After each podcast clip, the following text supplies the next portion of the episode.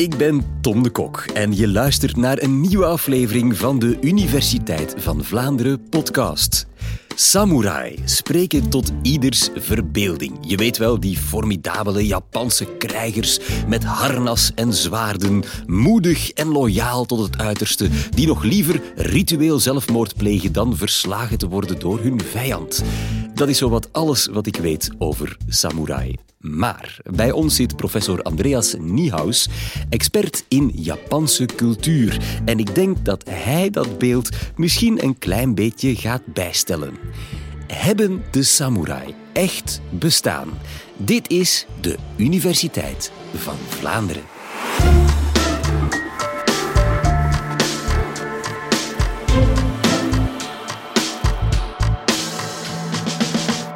Het jaar is 1877.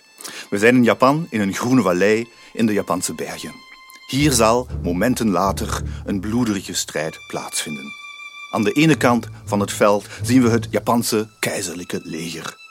De soldaten in een donkerblauw uniform, gewapend met geweren en kanonnen. Aan de andere kant van het veld staan een honderdtal krijgers, sommigen in gewone kledij, anderen met een metalen harnas aan.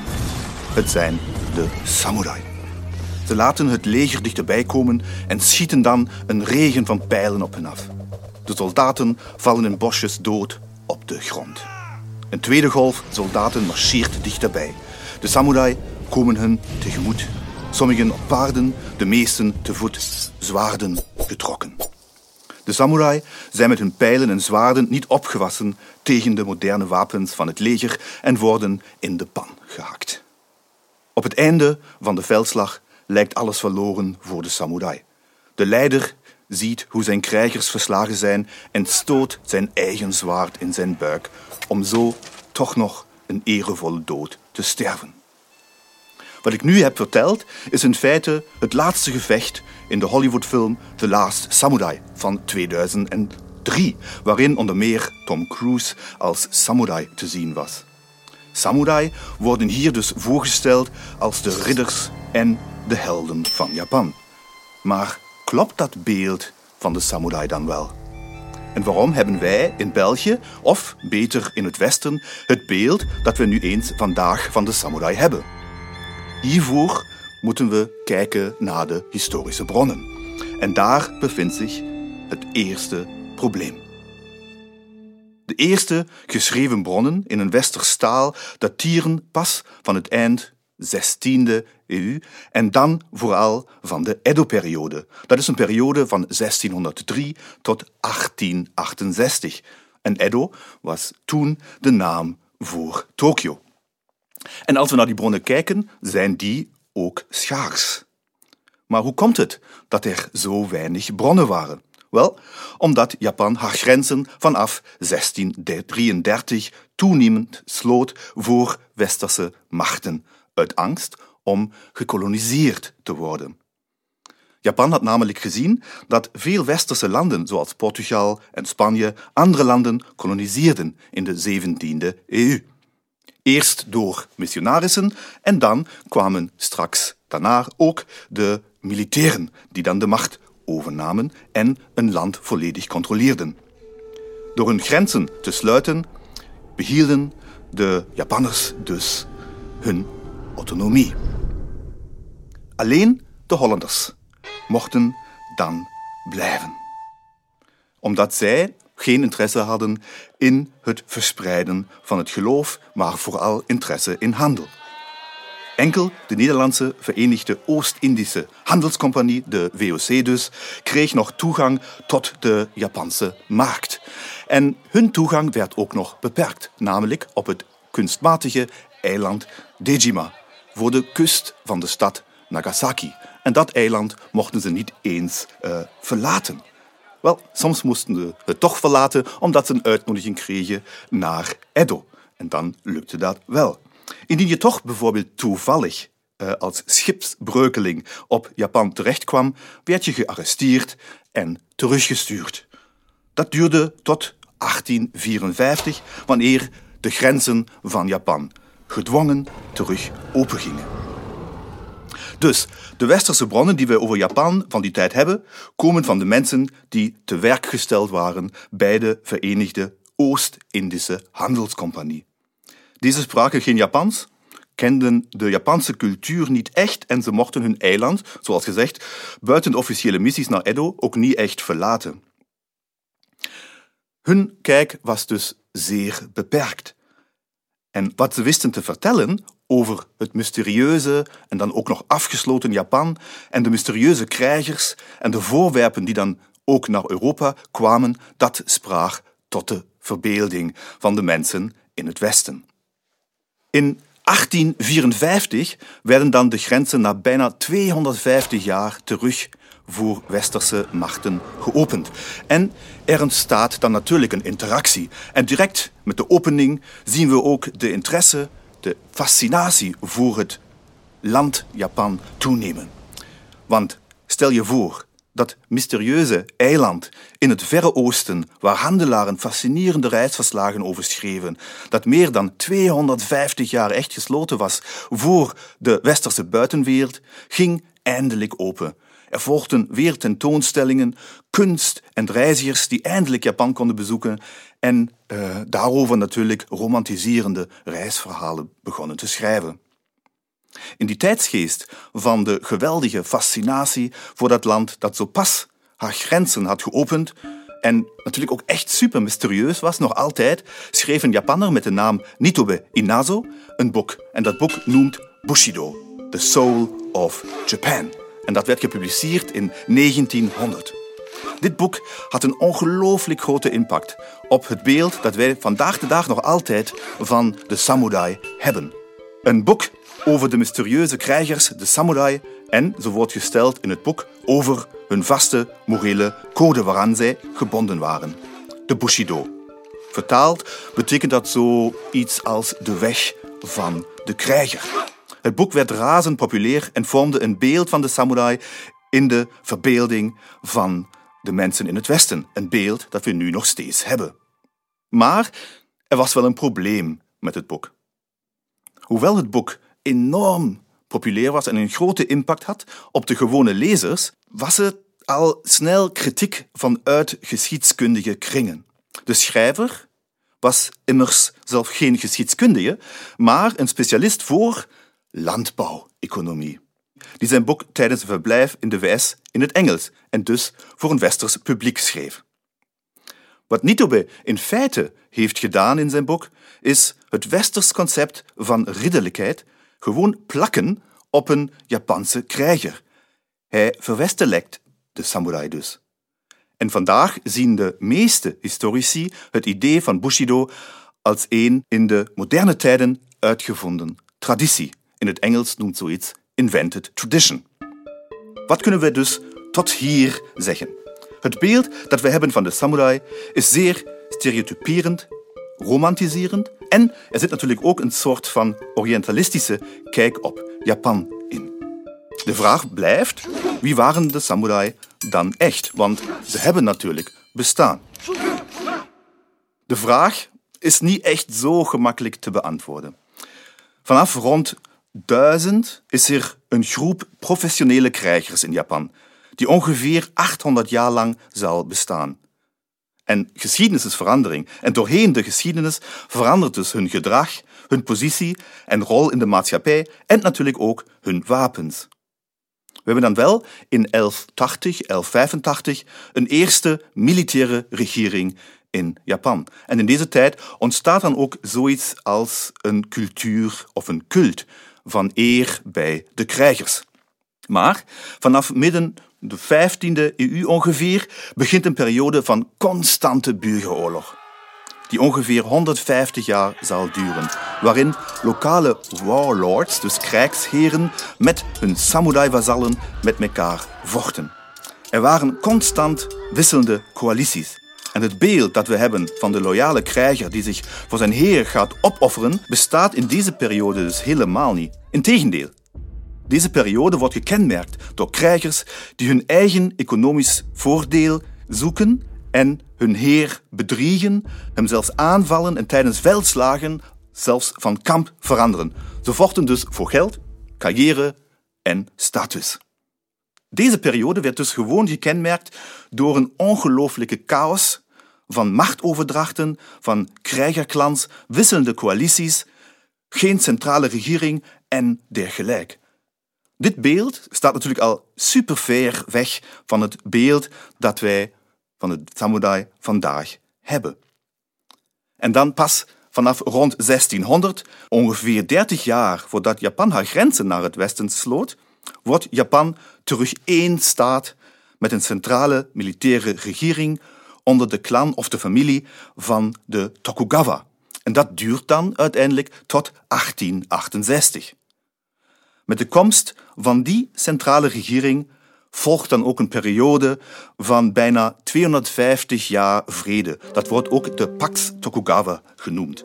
Dit is dus de periode wanneer het Westen voor de eerste keer zeer beperkt kennis maakt met de Japanse krijgers via de handelsverslagen van de VOC en de berichten van de handelaren, van de matrozen en van de artsen en dergelijke.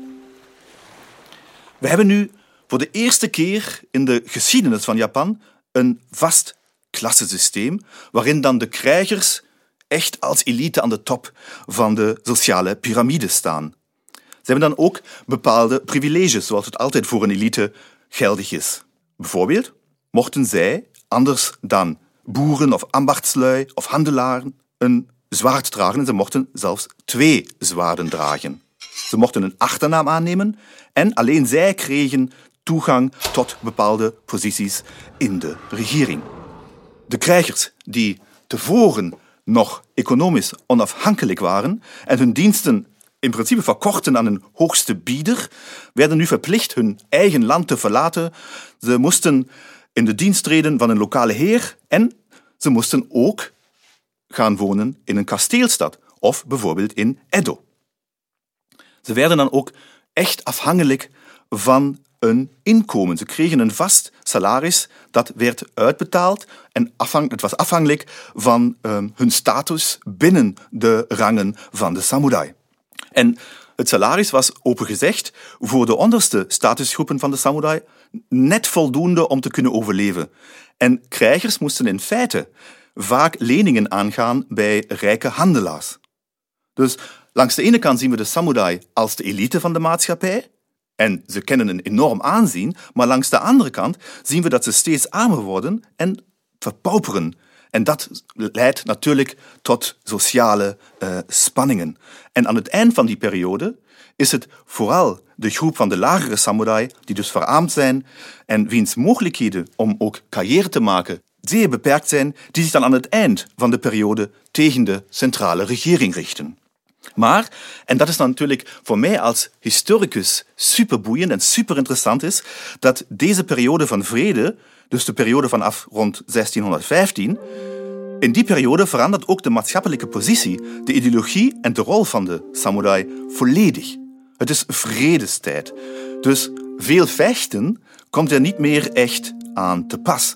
Dus je hebt een grote groep krijgers die in feite technisch werkloos is en die je toch ergens een andere job moet kunnen geven. En wat zijn dan de mogelijkheden om dat te doen? Wel, de krijgers worden meer en meer ambtenaren. Ze krijgen jobs in de lokale of centrale administratie, echte bureaujobs.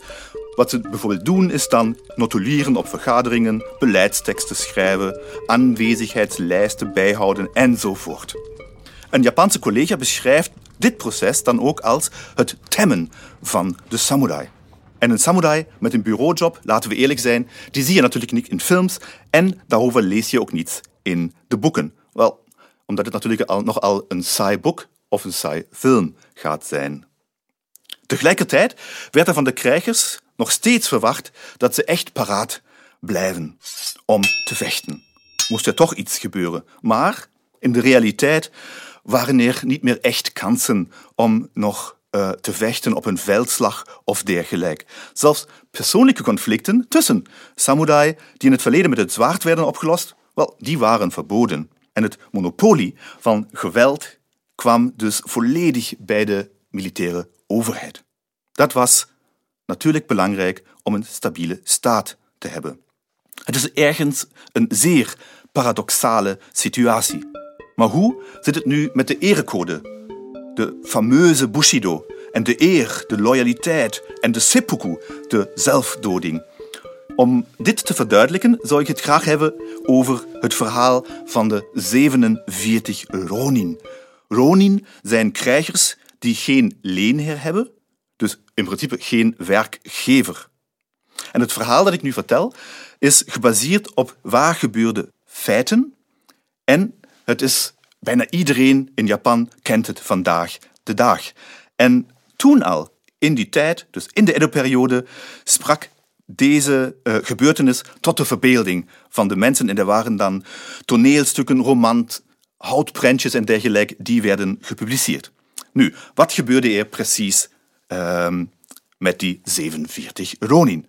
Het jaar is 1701. Een heer, Asano, en een vazal van de shogun, dus de heerser van Japan, Kida, ontmoeten elkaar in het kasteel van hun militaire leider, de shogun. Er ontstaat een conflict en Asano valt Kida aan en verwondt hem. Dat was volledig, echt volledig tegen de regels, zoals eerder vermeld. Een samurai mag privéconflicten gewoon niet met geweld oplossen. Het gevolg? Asano wordt gestraft en ter dood veroordeeld. Maar hij kreeg wel het privilege en de gunst om dit eervol te doen en dus seppuku te plegen. Dus rituele zelfdoding door zich een dolk in de buik te stoten. Het leengoed van Asano werd ingetrokken en zijn rond 300 krijgers, dus de samurai-krijgers, die zaten dus niet alleen maar zonder leider, maar ook zonder werkgever. En vanaf dat moment zijn ze ronin, krijgers zonder een heer. 47 van deze krijgers nu, dat is al vrij weinig als je erover nadenkt, er zijn 300 en er zijn maar 47, die beslissen nu om wraak te nemen. En na meer dan een jaar te plannen, vielen ze het huis van de tegenstander van hun heer, dus Kira, binnen en onthoofden hem. Het hoofd legden ze dan neer op het graf van hun heer in de Sengokuji-tempel in Tokio. De 47, wel in feite waren het maar 46, maar bon, werden gearresteerd. En dat was ook niet echt moeilijk, omdat twee van hen een verklaring over hun daad en ook over de motivatie persoonlijk bij de verantwoordelijke dienst hadden ingediend. En ze hadden zich dus in principe zelf aangegeven. Uiteindelijk werden ook deze 46 ter dood veroordeeld en ook deze mochten seppuku plegen. Dat is natuurlijk een verhaal dat echt perfect past binnen het idee van loyaliteit van de samurai tegenover hun meester. Het eergevoel, de wraak die ze nemen, de methodiek en, zelfs de zelfdoding, dan past volledig in het beeld. Dat sprak toen en nog vandaag tot de verbeelding. Omdat ook toen al was het wel een raar gebeuren dat niet dagelijks uh, te beleven viel. Maar als we kijken naar de historische bronnen nu, dan zien we wel dat er toen een hevige discussie ontstond over de kwestie of deze 47 wel degelijk juist gehandeld hadden. Ten slotte was hun leenheer duidelijk in de fout geweest en hadden zij daarom geen recht om wraak te nemen. En verschillende intellectuelen argumenteerden ook dat loyaliteit tegenover de shogun, de militaire opperbevelhebber en de wetten van de centrale regering altijd prioriteit zijn en dat de wraakactie in feite dus als een soort van privéactie moest worden gezien. En dus, wat ze deden, illoyaal was tegenover de heerser. Sowieso was er in die tijd een duidelijke procedure voor wraak. Samurai konden wraak officieel aanvragen en indien goedgekeurd krijgen ze dan gewoon een officieel document dat hun de toestemming gaf om een bepaald persoon te doden. Maar in, in feite had hun heer Kira niet eens gedood, dus daar is ook al een probleem. Ook het feit dat de krijgers en ook Asano seppuku mochten plegen, leidde tot discussie, omdat het een gunst was. Uh, en de overheid daardoor aantoonde begrip te hebben voor de daden. En dat zijn maar een paar, dus heel weinig van die discussiepunten die toen door intellectuelen, maar ook binnen de regeringskringen werden bediscussieerd. En deze discussies tonen in feite al aan dat er geen vast begrip van eer was. En ook geen vast begrip wat nu loyaliteit is. En één punt die te weinig aandacht krijgt, is zeker dat de 47 Ronin ook geen krijgers met ervaring op het slagveld of ervaring in gewapende conflicten waren natuurlijk, maar krijgers die vooral functies als ambtenaren uitoefenden. Maar als we dan naar de taalrijke literaire verhalen kijken, komen deze elementen niet echt aan bod. Integendeel, hier zien we krijgers als helden, in de zin van het woord, die volgens de erecode wraak nemen aan hun heer en dan een erevolle dood sterven.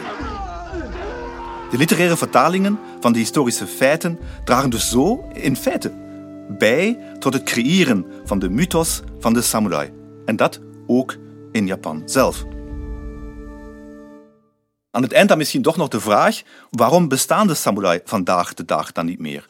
Wel, zoals eerder al vermeld, Japan opende onder de druk, de druk van het Westen, haar grenzen in het midden van de 19e eeuw. Bij de ontmoeting met het Westen werd duidelijk dat Japan niet kon opboksen tegen de vergevorderde technologie. Japan moest dus echt dringend moderniseren en er werden gezanden uitgestuurd naar alle uithoeken van de wereld om meer kennis op te doen over dingen zoals industrialisatie, technologie, geneeskunde, natievorming, rechten en dergelijke. De modernisering en de industrialisatie van Japan maakte dus dat er in feite geen plek meer was voor een verouderde klassenmaatschappij of voor de samurai. En in 1869 werd deze groep dan ook afgeschaft. En in 1876 verloren de krijgers uiteindelijk het recht om nog zwaarden te dragen. Er waren dan, zoals te verwachten, ook gewelddadige protesten en opstanden van enkele samurai-groepen die hun traditie wilden behouden. En daarmee komen we terug naar de film The Last Samurai. Het laatste gevecht in de film verwijst naar de historische Satsuma-opstand. Het laatste gevecht van de toenmalige samurai die vochten tegen de verandering en de modernisering. Een strijd die ze helaas, of misschien ook gelukkig maar, verloren.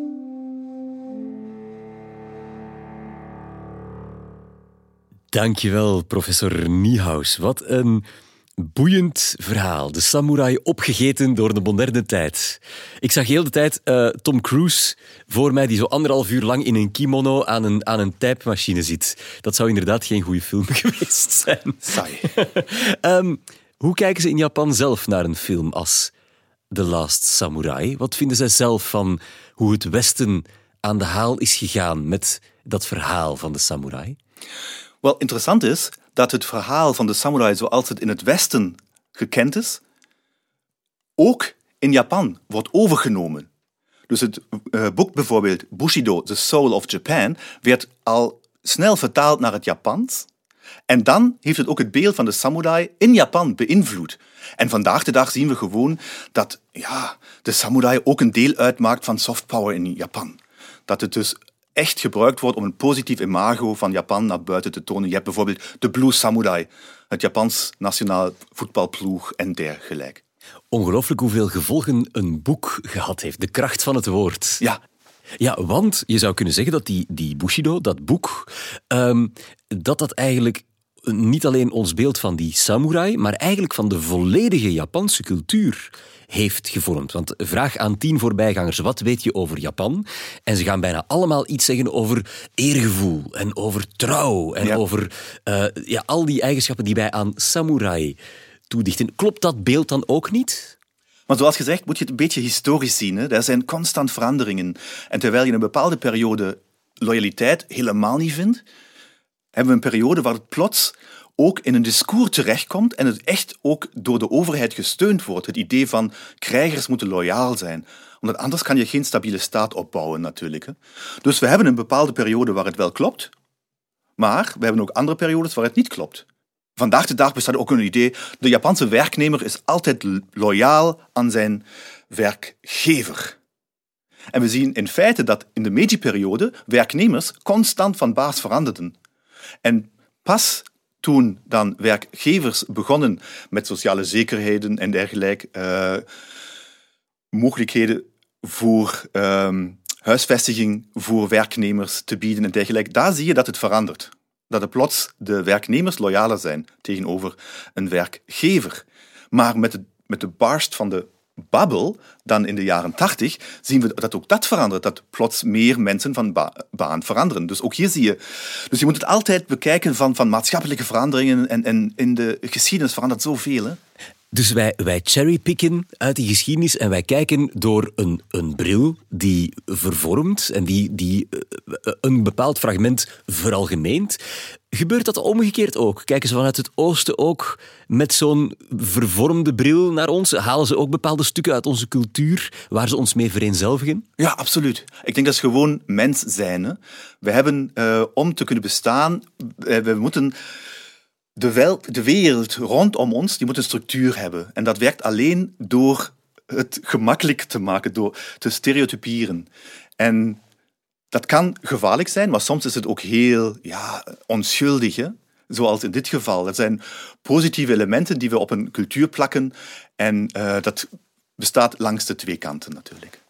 Er hebben dus echte Japanse samurai-krijgers bestaan, maar tegen het einde van de 18e eeuw waren het eerder ambtenaren. Over een soort van demotie gesproken. Dankjewel, professor Andreas Niehaus. En wil je nog meer horen over Japanse cultuur, dan moet je zeker ook eens luisteren naar de podcast Is sushi van de supermarkt wel echt Japans? En als je nooit meer een Universiteit van Vlaanderen podcast wil missen, dan kan je abonneren op onze nieuwsbrief via universiteitvanvlaanderen.be. Heel graag tot een volgende keer.